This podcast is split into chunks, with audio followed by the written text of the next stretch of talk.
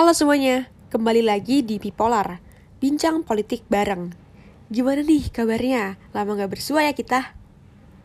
Nah, di kesempatan kali ini, kita bakal bahas seputar politik desentralisasi dan otonomi daerah. Karena bakal seru dan informatif banget, pastiin kalian dengerin dan simak podcast ini sampai akhir ya.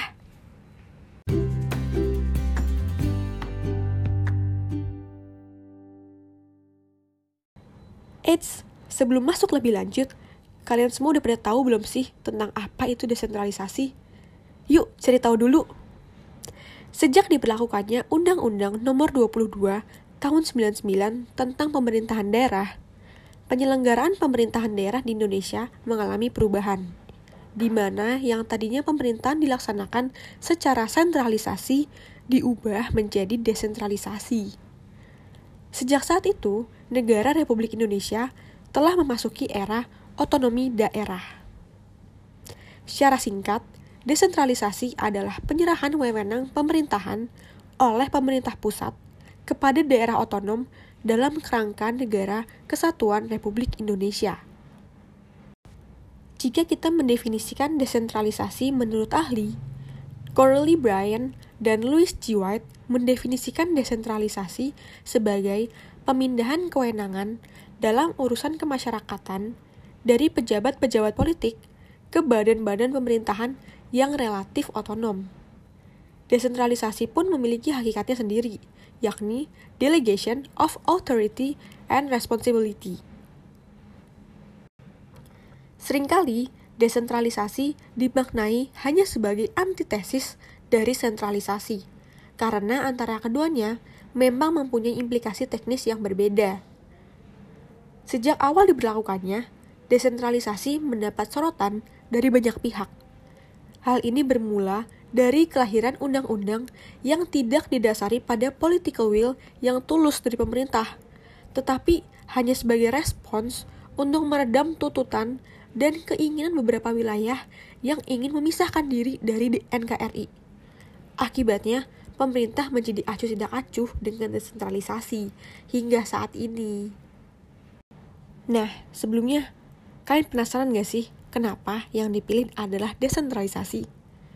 Desentralisasi tidak mungkin dipilih tanpa alasan.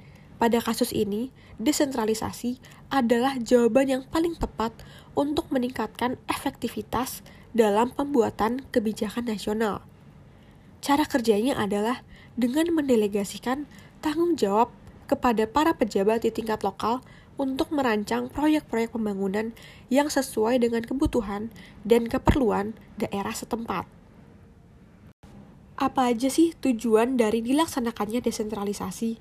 Gak mungkin dong desentralisasi dipilih tanpa adanya tujuan.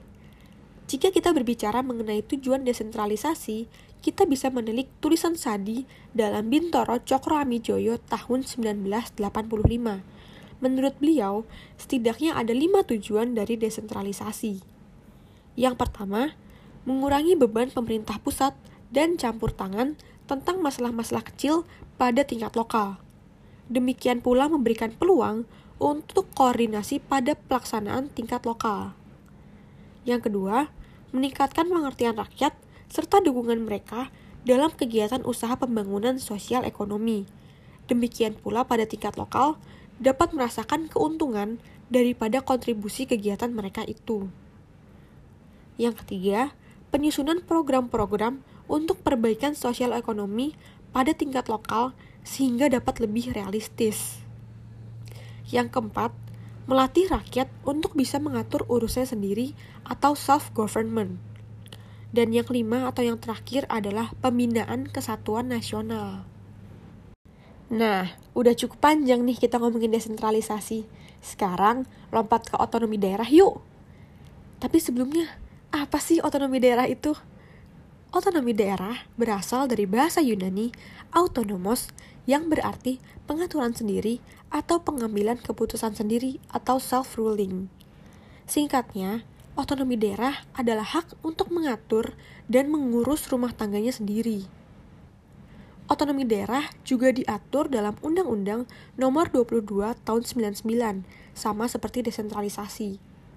UU tersebut mengatakan bahwa otonomi daerah adalah kewenangan daerah otonom untuk mengatur dan mengurus kepentingan masyarakat setempat menurut prakarsa sendiri berdasarkan aspirasi masyarakat sesuai dengan peraturan perundang-undangan. Nah, otonomi daerah juga punya prinsip-prinsip nih yang harus diikutin.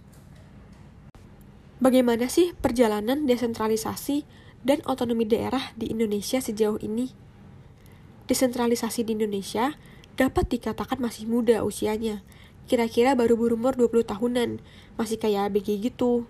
Berbeda dengan desentralisasi di negara-negara lain seperti Amerika yang sudah berusia kira-kira 200 tahunan.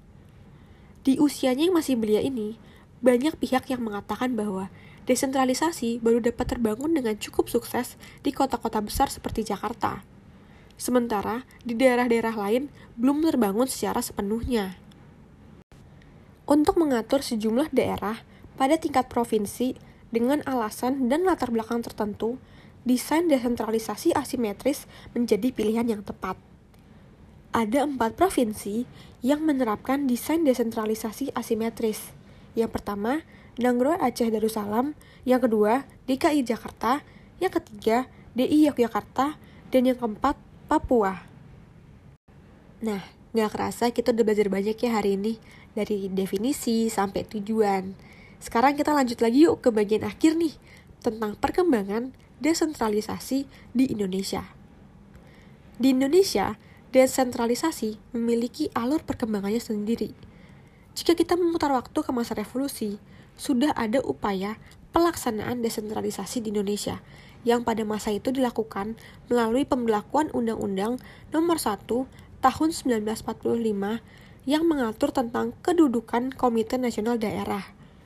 Kebijakan tersebut kemudian diperbaharui melalui Undang-Undang Nomor 22 tahun 1948 tentang pemerintah daerah.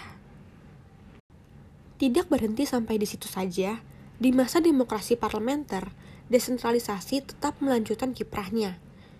Desentralisasi ditindaklanjuti melalui Undang-Undang Nomor 1 Tahun 1957 tentang pokok-pokok pemerintahan di daerah Nah, di masa demokrasi terpimpin, Soekarno melakukan resentralisasi yang kemudian berlanjut hingga masa Orde Baru. Kemudian, desentralisasi memasuki babak baru. Desentralisasi merupakan salah satu agenda utama reformasi.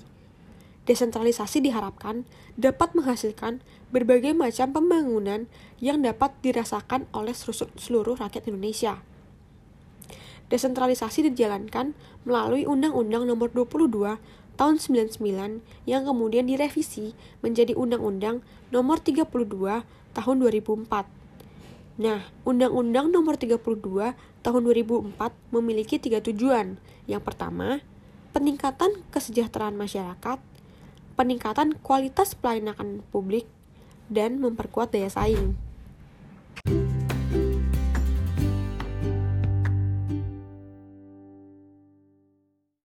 Desentralisasi di Indonesia memang masih jauh dari kata sempurna. Masih ada banyak tantangan serta hambatan yang perlu kita hadapi.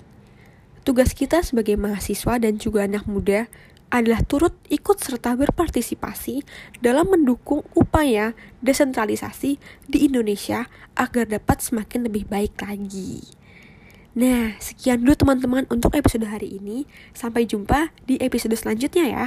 Dah.